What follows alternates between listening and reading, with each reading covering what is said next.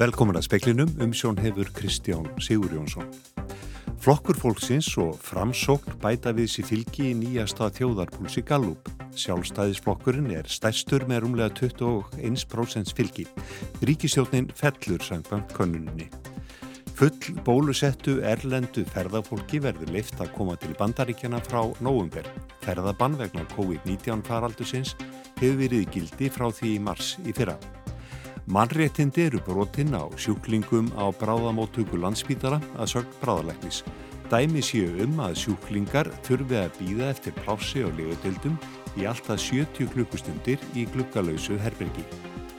Bændur á héradi eru brendir eftir þurka sumasins. Margir þeirra láta nú bor eftir vatni og er langur byðlisti eftir bornum. Gul veður viðvörun hefur verið gefin út fyrir all landið á morgun.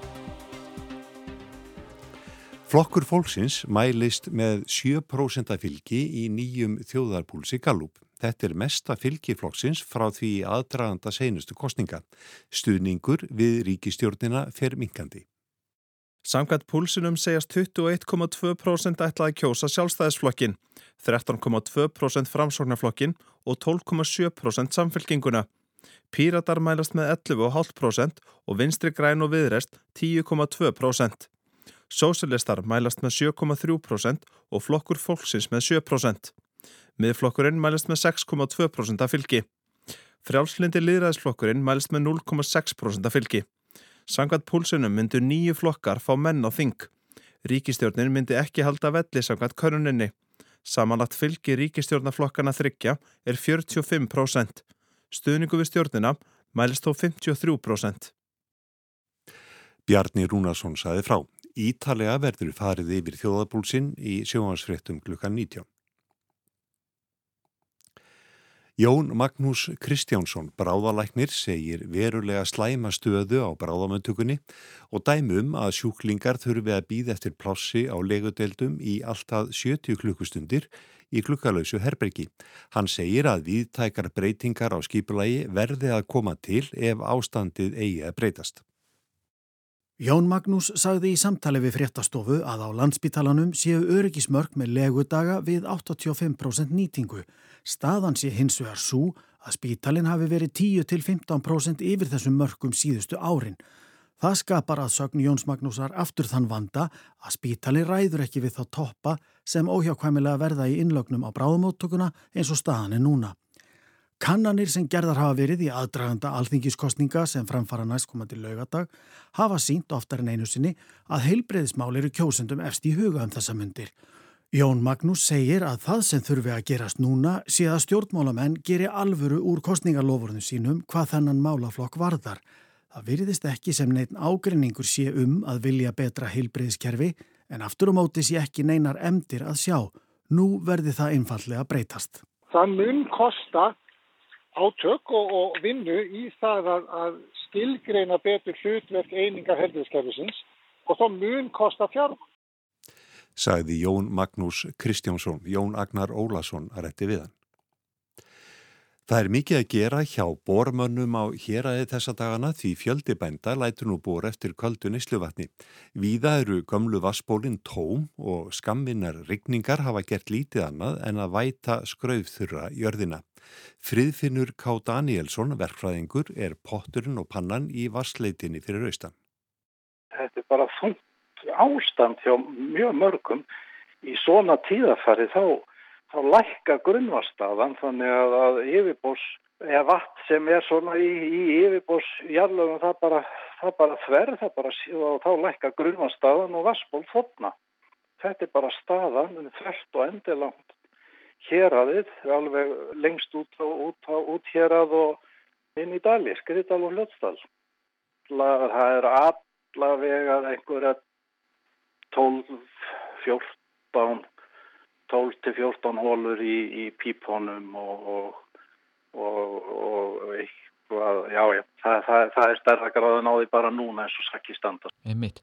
Já, mér skilst að menn hafi verið að koma niður á heitt vatn eða volt vatn og hvað geta menn þá nýtt það? Annað hvort að, að, að setja hundi sér hausin og bóra meir og ná sér bara í heitt vatn sem að döga þá eins og en hinn möguleikinn og sem er, sem er flestum tilvíkum færi leið þegar að með bora annar borð og eru búinir að, að setja dælu og ganga frá öll og hafa fyrir þessu. Það var náttúrulega alveg rakið að lauma varmadælu inn á milli. Það menn hýrða þá bara orkun á vatninu, framlega heitt vatn með, með hafðkvæmum hætti en og að drekka svo niðurkælda vatni sem að skemmist ekkit. Sagði friðfinnur Ká Danielsson, Rúnar Snær Reynisson talaði við hann. Hraunflæði úr eldgósinu við Fagradalsfjall mælis nú rúmlega 150 miljónir rúmmetra og flatarmálið orðið 4,8 ferkilometrar sangkvæmt nýjustu mælingum Jarvísindastofnunar Háskóla Íslands. Það er sína að hraunrensli síðastlina viku hafi verið um 11,8 rúmmetrar á sekundu að meðaltali sem er svipa og það var í mæ og júni en tölvert meira enn í ágúst. Hraun hefur frá því í júli ekki náða renna að hraun jæðrinum, fjars skígnum, en það gæti breyst nú þegar virknin er samfeldara en áður. Því gæti hraunrenslið aftur farið að ná að jæðrinum og þar með nær söðurstranda vegi. Erlendu ferðafólki sem hefur verið bólusett að fullu gegn koronaveirinni verður heimilað að koma til bandaríkjana nú í nógumber. Landið hefur verið lokað frá því að neyðar ástandi vegna veirunar var líst yfir í mars í fyrra. Jeff Sint sem hefur séð um að samræma aðgerðir bandaríkjastjórnar gegn pláunni tilkynnti frettamönnum í Washington í dag að byrjað verði að hleypa erlendum ferðamönnum að nýju inn í landið snamma í nóvember. Þeir verða að sanna að þeir hafi verið bólusettir að fullu gegn veirunni. Einnig verða þeir að sína nýtt próf um að þeir séu einkennalösir áður en þeim verður hleyftinn í flugvilar sem flytja þá til bandaríkjana. Ferðarfólki frá Evrópuríkjum og víðar hefur verið meinað að koma til landsins síðastliðið eitt og hálft ár til að koma í veg fyrir útberðslu veirunar. Bólusettum bandaríkjamannum hefur hins vegar verið heimilað að ferðast til annara landa þar á meðal Íslands. Stjórnvaldi í Washington hafa því verið undir þrýstingi við að um að slaka á reglunum. Að sögn Jeffs síns verður bandaríkjámönnum sem ekki eru bólusettir að fullu heimilt að snúa aftur heim en þeir verða að fara í skimun innan sólarings eftir komuna. Takmarkanir á bílaumferð millir bandaríkjana og Kanada annarsvegar og Mexiko hinsvegar verða áfram í gildi um sinn. Áskeir Tómasson saði frá. Ólafur Ragnar Grímsson, fyrirverandi fórsett í Íslands, segir að stjórnar myndunar umboð fórsettans sem fórustu fólk flokkana fær vennjubundið eftir kostingar eigi sér enga festu í stjórnarskráni. Eina sem sé stjórnskipulega fastur punktur sé að fórsettin beri ábyrð á að myndu sér ríkistjórn í landinu. Það er kannski dátti bratt fyrir mig að segja það, hafandi verið fórst í 20 ár, sko, en þetta með umboðið er í raun og veru bara góðsögn. Sko umbóðið á sér enga stjórnskipulega festu. Það er bara einhver svona vennja sem að eh, flokksvoringennir hafa ákveðið að virða og fórsetin hefur reynd að praktísera. Ólafur segir líka breytingu í kostningabaráttinu og lokasprettinum. Nú sé fóristu fólk flokkana í aðalutverki, auglýsingum og kynningum þeirra. Það var nánast óhugsandi fyrir 50-60 árum. Þá kösum menn flokkana út á ákveðni stefnu, ákveðni hugmyndafræði, jú, auðvitað dáðusmenn að fóringjónum, Ólafi Tóksarmanni, Jónasinni og Einar Olgisinni og svo framvegis. En það hefði engum flokki dóttið í hug þá að keira kostningabaratuna á fóringjónum, formanninu nánast engungu eh, eða persónu binda baratuna með þessum hætti saði Ólafur Ragnar Grímsson í kostningahlaðvarpi RÚF X21 sem á finna á spilara RÚF og öllum helstu hlaðvarps veitum. Íra grunara rostungurinn sem hafði stutta við tvöl á höfn í Hortnafyrðum helgina sé sá sami og relti Íra og fleiri Evropubúa í sömar. Fjallaðir um rostungin Valli í írsku miðlum en hann vakti aðtekli í ágúst vegna skemdaverka sem hann vann á bátum í höfnum og Írlandi og víðar um Breitlandsegar. Þar sökti hann einum og ég fell tveimur bátum í hverju höfn. Hópur kvala og höfrunga unnenda á Írlandi segja að sangkvæmt myndum á rostungnum séu þeir áþekkir og líklegt sé að þetta sé sama dýrið. Sár á reyfum dýrana séu til að mynda sambærleg. Talið er líklegt að hann sé á leið til heimkynna sinna við austurströnd Grænlands. Veðurspáin hefur gefið gula veður, veður viðbörun um alland á morgun þriðudag. Spáðir kvassviðri eða stormi víða á morgun og talsverðri rigningu en suðvestan róki sunnalands uppur háti og síðar einni á Ístulandi. Ef frambjóðendur lofa útgjöldum þá þarf einni að finna út hvernig að borga. Þá erum tvent að velja skattar eða meiri skuldsetning. Þetta segir Katrín Ólafstóttir, hagfræðingur og dósent við Háskólinni Reykjavík. Speillin rætti við Katrín í dag og spurði hvers væntamætti í efnahagsmálu landsins á næstu missurum. Það sem við sjáum framöndan svo framalega sem kemur ekki nýtt afbreyði sem veldi svona bakslægi eins og var þarna í, fyrir í sumar að þá getum við átt vonað því að verði svona hægur bati Eh, við sjáum að það er hagvöxtun er fann að taka við sér, það er engar stóra tölur sem hortir á, við erum að horfa aðtunlausið lækka. Eh, við getum eins og að búast því að verðbólka verði áfram í, í, við efri mörg verðbólkamarkmisins. Ástandi út í heimi, hefur það áhrif á okkur hér? Já, sjálfsögðu gerir það það og það er svona kannski það sem við erum að horfa á, það er svona högtir í heimsakjörfinu svolítið. Við áttum vona því að það ekki kannski nokkra mánuði að koma hlutunum í samt lag eins og varandi farmflutninga og slikt en það verist alltaf taka töluvert lengri tíma og verðbólgan erlendis höfi sjá fara í tölur svipaður okkar en það eru hærri verðbólgutölur heldur en það eru vanir að sjá. Og flestir telli að þetta sé nú svona COVID áhrif og séu tímabundin en við erum að sjá svona þetta tímabundin að verða kannski lengri tímabil heldur við áttum vona og kannski þess vegna nær fram á næsta ár eða, eða jáfnvel út næsta ár. Nú fylgdi faraldreinum náttúrulega atunleysi, fyrirtæki fór í gjaldrótt og ferðarþjónustan stöðvaðist. Hvernig gekk að vinna úr þessu? Það hefur gengið betur en held ég flestir hafa átt von á. Það við áttum náttúrulega í farteskinu svona aðgerið frá síðustu kreppu, ekki það langt frá henni þannig að það var eftir að fara í það bara án mikils undirbúnings. Þannig að það hjálpaði töluvert. Auðvitað eru engar fyrirmyndi fyrir þessari kreppu Þannig að svona með við allt og allt, auðvitað hefur ekkert allt gengið fullkomlega með við allt og allt held ég þetta hafi gengið betur en nokkuð þorða vona. Nú standa landsmeðan frammi fyrir kostningum um næstu helgi og auglöst hugsa margir um efnahagsmálinn og sinn efnahag. Eru stjórnmáluflokkarnir með mismunandi áherslur, mjög mismunandi áherslur í efnahagstjórnum? Það er af einhverju leiti mismunandi áherslur, já og við sjáum svolítið tógast á annars vegar umræðinu um aukin útgjöld, það er að segja sérstaklega helbreyðismálinn sem eru ofalega í huga, eh, velferðamálinn og svo náttúrulega umhverfismálinn. Á hinbóin þá sjáum við kannski meira svona hægra meginn, þá verður að ræða um skuldastöðu ríkisins sem að auðvitað hefur ríkisjóður verið rekin og miklum halla í ára og í fyrra vegna COVID og skuldunar aukist nokkur rætt og eh, þar er umræðin um frekar að forgámsræða eða skera niður hvernig sem að snúa þeirri umræðu. Nú það er líka verið að ræða um auknar skattheimti og móti auknum útgjöldum, svona vinstri vagnum. Þannig að það er svona aðeins já mismunandi, mismunandi áherslur en ég held að í þessum kostningum verði þetta mjög mikið heilbriðismálin, velferðarmálin og umhverfismálin sem að skipta máli. Eru þeir málaflokkar sem að almenningur telur að skipti mestu máli í kostningunum, heilbriðismál, umhverfismál? Er þetta ekki útgjálta málaflokkar? Jú, þetta er útgjaldar málaflokkar en eins og til dæmis varandi umhverfismálin ef við gerum meiri kröfur þá þýðir það öllu líkindum kostnar auka allavega til skemmri tíma en algjörlega óvís hvort það veri til lengri tíma. E, tökum til dæmis bara ramagsbílar sem voru ekki raunhafur valkostu fyrir nokkur árum en eru það í dag. Þannig að, að það er ímislega sem gerist þarna á milli. Varandi helbreyðismálin þá er náttúrulega munur á því hvort að er fjárfestinga eða rekstur hvort það er e, möguleiki á það hagraði rekstri, það er nú eða svona kannski þjónustu hlutin er alltaf þannig að það er erfiðar að hagraða en að því leiti sem er uppbygging til framtíðar þá gæti það komið sem einhvers konar hagraðing þegar til lengri tíma litið. En þessar mismunandi áherslur í efnahagsmálum, hafa þær afgerandi áhrif á efnahag mismunandi hópa fólks? Geta gert það. Það er náttúrulega allskýðis loford í gangi, varðandi, já, sumi vilja skatleggja háttekju fólk meira, e, aðri vilja greið okkur beint arða böngum.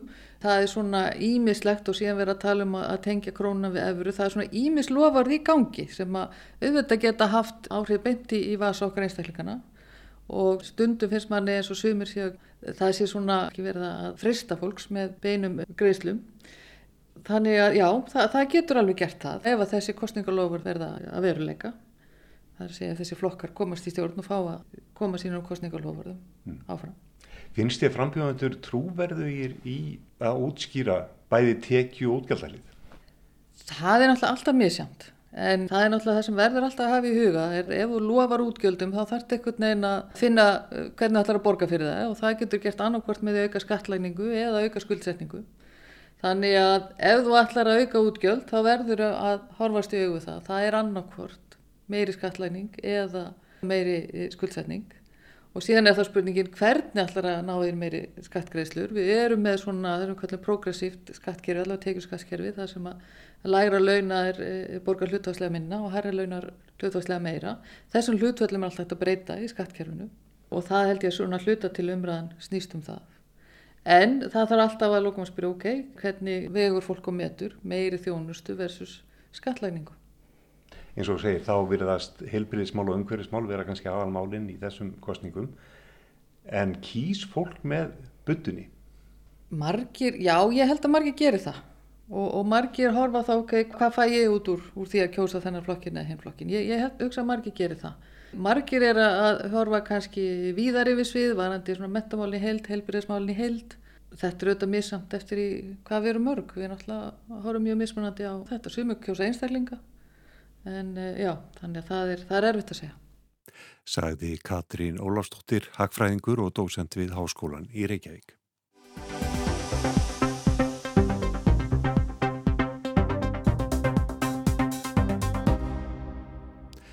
Nýr hernaðarsamningur Ástrala, Breta og Bandaríkjamanna kann að marka meiri tímamót en margan myndi gruna. Vísað er til jarðræringa í utaningismálum, tilrunar til að skapa nýja heimsmynd. Þeir spara ekki stóru orðin sumir alþjóða stjórnmála spekulantarnir um ákús, þennan nýja samning á milli Ástralju, Bretlands og Bandaríkjana. En áður en lengra er haldið hvað er svona merkilegt við þetta samkómulag. Í stuttumáli gengur það út á að Ástralar fá að smíða kjarnorku knúna kavbáta, annarkvort að bandar í skreiða breskri fyrirmynd, það er útfærslu atriði. Gert er ráð fyrir að á næstu átján mánuðum verði gengið frá samkómulegi í meiri smáatriðum og svo muni taka fjöldamörg ár að smíða kavbátana. Kjarnorku knúnir kavbátar geta silt hraðar og lengra en aðrir bátar verið lengi neðansjáar. Þeir sigla hljóðlega og er því erfitt að hafa upp á þeim. Það er eitt að undirstryka að ástrálsku kafbátarnir verða knúnir kjarnörku en eiga að ekki að bera kjarnavopn heldur hefðbundnari vopn, Tomahawk stýriflögar. Seks þjóðir eiga nú kjarnorku knúna kafbóta. Bandarækjumenn eiga langsamlega flesta. Þá rússar, kínverjar, brettar, frakkar og indverjar reyka lestina með eitt slíkan. Sumir þeirra geta bórið kjarnavopn, aðrir ekki. Bandaríkjumenn hafa hengað til aðeins deilt sinni kafbótatekni með bretum en nú fá ástralar að njóta góðs af. Þar ræður engil saksneskur skildleiki vestræn menning og bræðralag för á samt landfræðilegri staðsetningu. Vonir bandaríkjamanna standa til þess að geta með þessu fengið að lenda bandarískum herþótum víðar á Asíu Kirrahafsvæðinu. Í Economist líkir þessu við að flekaskil utanríkismála heimsins séu á reyfingu og bendir á að það sé ekki oft sem að við upplifum slikt nefnir súasteiluna á sjötta áratugnum heimsók Nixons til Kína 1972 og fall Berlínarmúsins 1989 sem dæmi. Í The Atlantic er talað um að ný heimsmynd sé í mótun hvorki meira enni minna eða í það minnsta að veri sé að reyna að móta heimsmyndina upp á nýtt. Ákurssamkúmulægið nær ekki aðeins til kafbótana. Ríkin ætlað að skiptast á upplýsingum um netöryggi, skamtatækni, gerfi, greind og neðansjáartækni. Fjölga á bandariskum hermönum í Ástralji og samningurinn á að tryggja aukna samvinnu ríkjana meðal annars við þróun flugskeita og annara hergagna. Þó að hvergi sé minnst á Kína í þessum samningum, þessu nýja varnarbandalagi má segja, blasir við að því er beint gegn Kína eða kemur í það minnsta til vegna vaksandi veldis og viðbúnaðar Kína á Indlands og Kirrahafi. Talið er að kínverjar stefni að því að fjölga kjarnorku knúnum kavbátum í sínum feikna stóra flota á næstu árum. Ákúsamkumulæð verður sjálfsagt ekki til að slá á þau áform. Talsmaður kínverska utanríkisraðunitisins segir samningin óguna friði á svæðinu, bera kaldastriðs hugsunarhætti vitni og magna upp vopna kapplup ríkjana. Indónesar eru órólegir vegna vopna kapplups á svæðinu og nú hafa Norður Kóruumenn bæst í hóp þeirra sem að andmæla samningnum og segja hann auka líkur á að það komi til kjarnorku vopna kapplups. Þeir sem óttast aukna kjarnorku vopnavæðingu hafa líka áhyggjur af samkómuleginu. Scott Morrison, fórsættistráð þeirra Ástrala, segir að þeir hafi engan áhuga á búa til kjarnorku og engan áhuga að framleiða kjarnorku til almennra nota. Kjarnorkan verði aðeins notuð til að knýja kafbótana. Í sjálfu sér hefur engin áhyggjur af því að Ástralar ætli að kjarnorku væðast í hernaðaskinni. Heldur að aðrar þjóðir, Íranir þá helst, muni nota kjarnorku knúna kafbóta sem tilli ástæðu til að auðga úran. Ákus samkúmulæginu er líka illatekið í Fraklandi þar sem Ástralar riftu 20 miljardar evra samkúmulægi við franst ríkisfyrirtæki um smíði díselknúina kafbata. Frakkar eru verulega ósáttir, hafa kallað sendiherra sína í Washington og Canberra höfðborg Ástralju tímabundið heim, hafa aflýst fundum og vesluhöldum og tala um rýtingstungu í bakið, undirferðli og lítilsverðingu. Sennilega er þetta mesta bakslag í samskiptum Fraklands og Bandaríkjana frá því að frakkar lístu andstöðu við innrásina í Írak. Að einhverju leiti dregur samkúmulegið líka línu á milli hins engilsaksneska heims og Evrópu. Bretar sögðu sig úr Evrópusambandinu og eru nú komnir einir í nokkurs konar varnarbandalag með frendum sínum í Bandaríkjónum og Ástralíu. Það eru reyndar fleiri sambund á þessu viðfæðma svæði. Quad er eitt þeirra. Heitið vísar til þess að það er hópur fjögur að ríkja, bandaríkjana Japan, Indlands og Ástralíu, líðræðisríkja við Kirra og Indlandshaf. Hópurinn sem er lausbeislað samband er talin ganga út á að mæta uppgangi Kína. Í sameinlegri yfirlýsingu frá í mars í ár segir að markmið hópsinn sé að svæðið verði frjálst og opið og að þar verði viðhöfð líðræðisleg gildi og þvinganir ekki látnar viðgangast. Í novemberi fyrra tóku ríkin þátt í sameilegri heræfingu nýrst í Indlandshafi á Bengalflóa og á Arabíuhafi, sitt hverju megin Indlandsskagans. Og næsta fyrstu dag hefur Joe Biden bandaríkja fórsætti bóðið leð tóm hinna kvadríkjana þryggja til fundar í kvítahúsinu.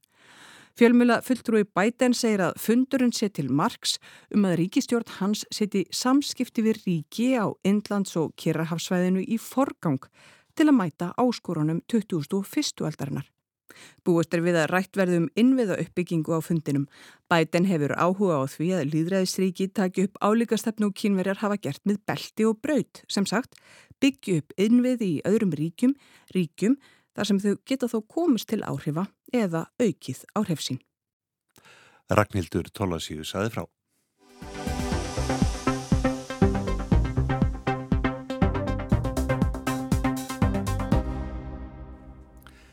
Bókin The Keyman eða Likilmaðurinn fjallar um ris og falls pakistansk viðskiptajöfurs Arif Naqvi.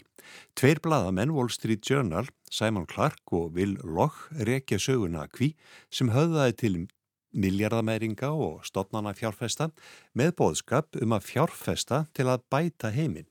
Fjárfestar eins og Bill Gates stopnandi Microsoft Þróunastofnanir og lífeyrisjóðir lögðu alls þrjá miljardar bandaríkjadala í sjóði Nakvis til að fjárfesta í góðum áletnum í Asíu og Afriku.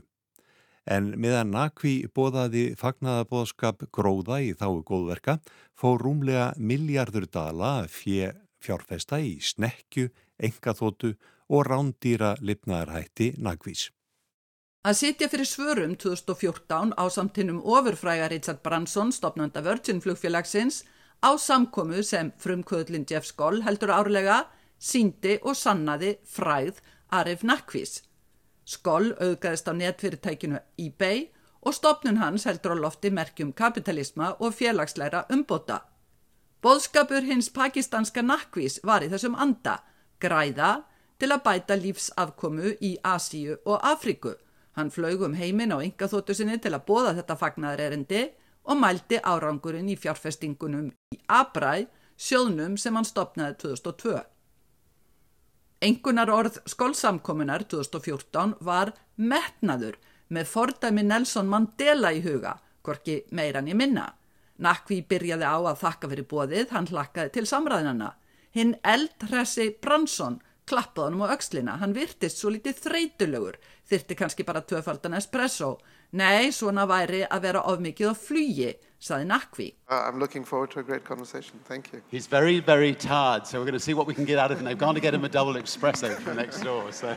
We should have started with it that. It comes from living on an airplane. Nakvi náði þó nógum kröftum þarna á sviðinu til að fara með vel æfðan bóðskap um fjárfestingar í þáu betra lífs í Asi og Afriku, þessum vakstarmörkuðum framtíðarinnar og abræðsjóðurinn gegn sírður af góðverkum, saði Nakvi. We want every single person in our company and the 300,000 people that work in our businesses to be infected with that virus and then start giving more and more. Þeir vildu að allir starfsmenn sjóðsins í viðbót við 300.000 starfsmenn fyrirtækjana sem þeir hefðu fjárfest í væri smittaðir af gafmildisveirunni, gefa meir og meir.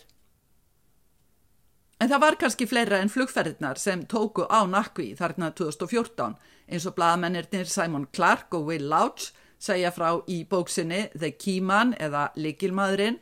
Abræsjóðurinn hafi tapað verulega á óviturlegum fjárfestingum. Í staðis að viðurkenna tapið var það falið. Nakvi og nokkri nánir samstarfsmenn byrjaður á bókalsæfingum sem þeir vissu að voru ólöglegar. Peningar færðir millir sjóða, vafasum lán, nýtt fjárfesta fór í annað en fjárfestingar, öll sveikarapabröð sem hægt var að hugsa sér, en ekki aðeins til að fjalla tap, heldur einnig sífælt streymi af miljónum dala í leinifjöla Nakvís á Keimanegjum.